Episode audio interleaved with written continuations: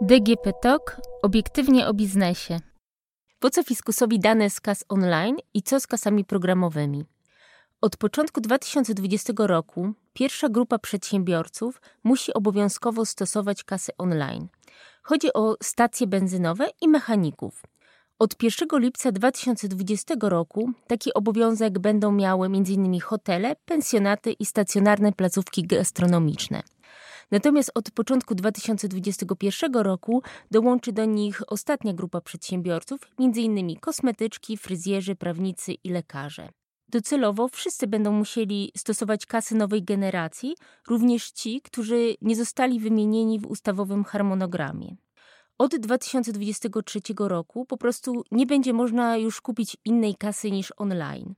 Do tej pory będzie można kupić jeszcze kasę z elektronicznym zapisem kopii, ale używać tylko do momentu, kiedy się zepsuje. Z kolei urządzeń z papierowym zapisem kopii nie można już kupić, natomiast wolno je stosować do momentu zużycia pamięci bądź zepsucia.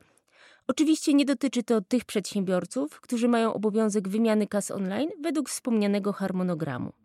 Z drugiej strony nic nie stoi na przeszkodzie, aby ci, którzy nie mają obowiązku ich stosowania, założyli je. Opłaca się to przedsiębiorcom, którzy rozpoczynają ewidencję obrotu. Tylko bowiem zakup kasy online uprawnia obecnie do ulgi, czyli odliczenia maksymalnie 700 zł. Ale do rzeczy, po co fiskusowi dane z kas online? Do tropienia nieprawidłowości, podobnie jak to jest w przypadku JPK VAT. Jednolity plik daje jednak tylko informacje o obrocie między przedsiębiorcami. Dzięki kasom online Fiskus dostaje informacje również o sprzedaży detalicznej, choć na razie tylko od części firm. Z kas dane trafiają do centralnego repozytorium kas, które prowadzi szef Krajowej Administracji Skarbowej. Dzięki temu fiskus może analizować sprzedaż i to, jak podatnik rozlicza się z podatków. Jeżeli przykładowo mechanik w mieście określonej liczbie mieszkańców wykazuje znacząco niższą sprzedaż detaliczną niż inni mechanicy działający w podobnych warunkach, to taka informacja jest sygnałem dla skarbówki, że coś może być nie tak. Dzięki kasom online fiskus może śledzić anomalie w rejestrowaniu sprzedaży detalicznej. Należy też pamiętać, że administracja skarbowa może sprawdzić, czy wszyscy przedsiębiorcy, którzy są do tego zobowiązani, stosują kasę online. W jaki sposób? Korzystając z centralnej ewidencji kas rejestrujących. Znajdują się w niej informacje o tym, który podmiot zafiskalizował kasę, czy była to kasa online i jaką prowadzi działalność gospodarczą.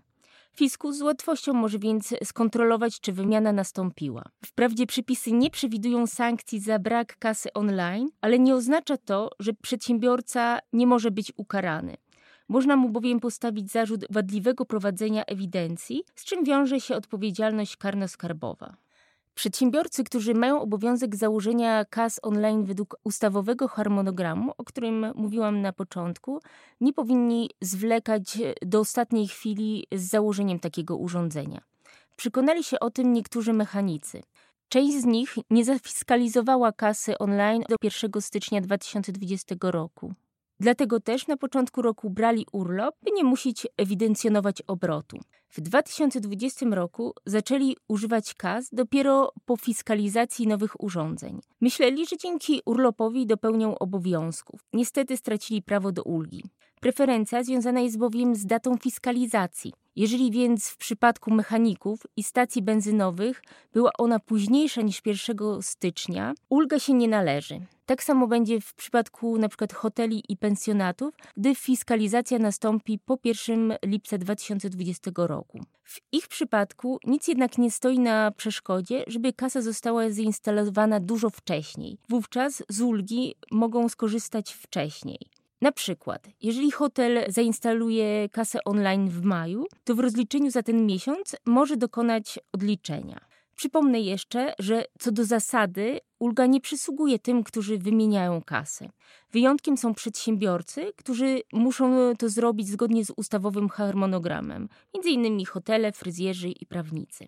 Na koniec chcę przypomnieć, że Ministerstwo Finansów pracuje nad rozporządzeniem w sprawie tzw. Tak kas programowych. Chodzi o możliwość rejestrowania obrotu na dowolnym urządzeniu, np. komórce, tablecie lub komputerze. Będzie to możliwe dzięki oprogramowaniu, które zbada Główny Urząd Miar. Każdy będzie mógł je przygotować, ale będzie trzeba uzyskać decyzję GUM o dopuszczeniu go na rynek. Nie wiadomo jeszcze, jaki będzie koszt stosowania takiej kasy programowej. Trzeba jednak wziąć pod uwagę m.in. koszt tabletu, chyba że ktoś chce używać własnego telefonu, koszt drukarki i abonamentu na program. W Czechach koszt oprogramowania wynosi kilkadziesiąt złotych miesięcznie. Podatnik będzie musiał więc przeliczyć, co będzie dla niego bardziej opłacalne. Minusem z pewnością będzie to, że w przypadku kas programowych nie będzie można skorzystać z ulgi. To jednak nie jedyne zmiany. W parlamencie trwają prace nad nowelizacją wprowadzającą e-paragony, które będą mogły być wystawiane przez kasy online. Niewykluczone więc, że paragon będzie można otrzymać SMS-em lub mailem.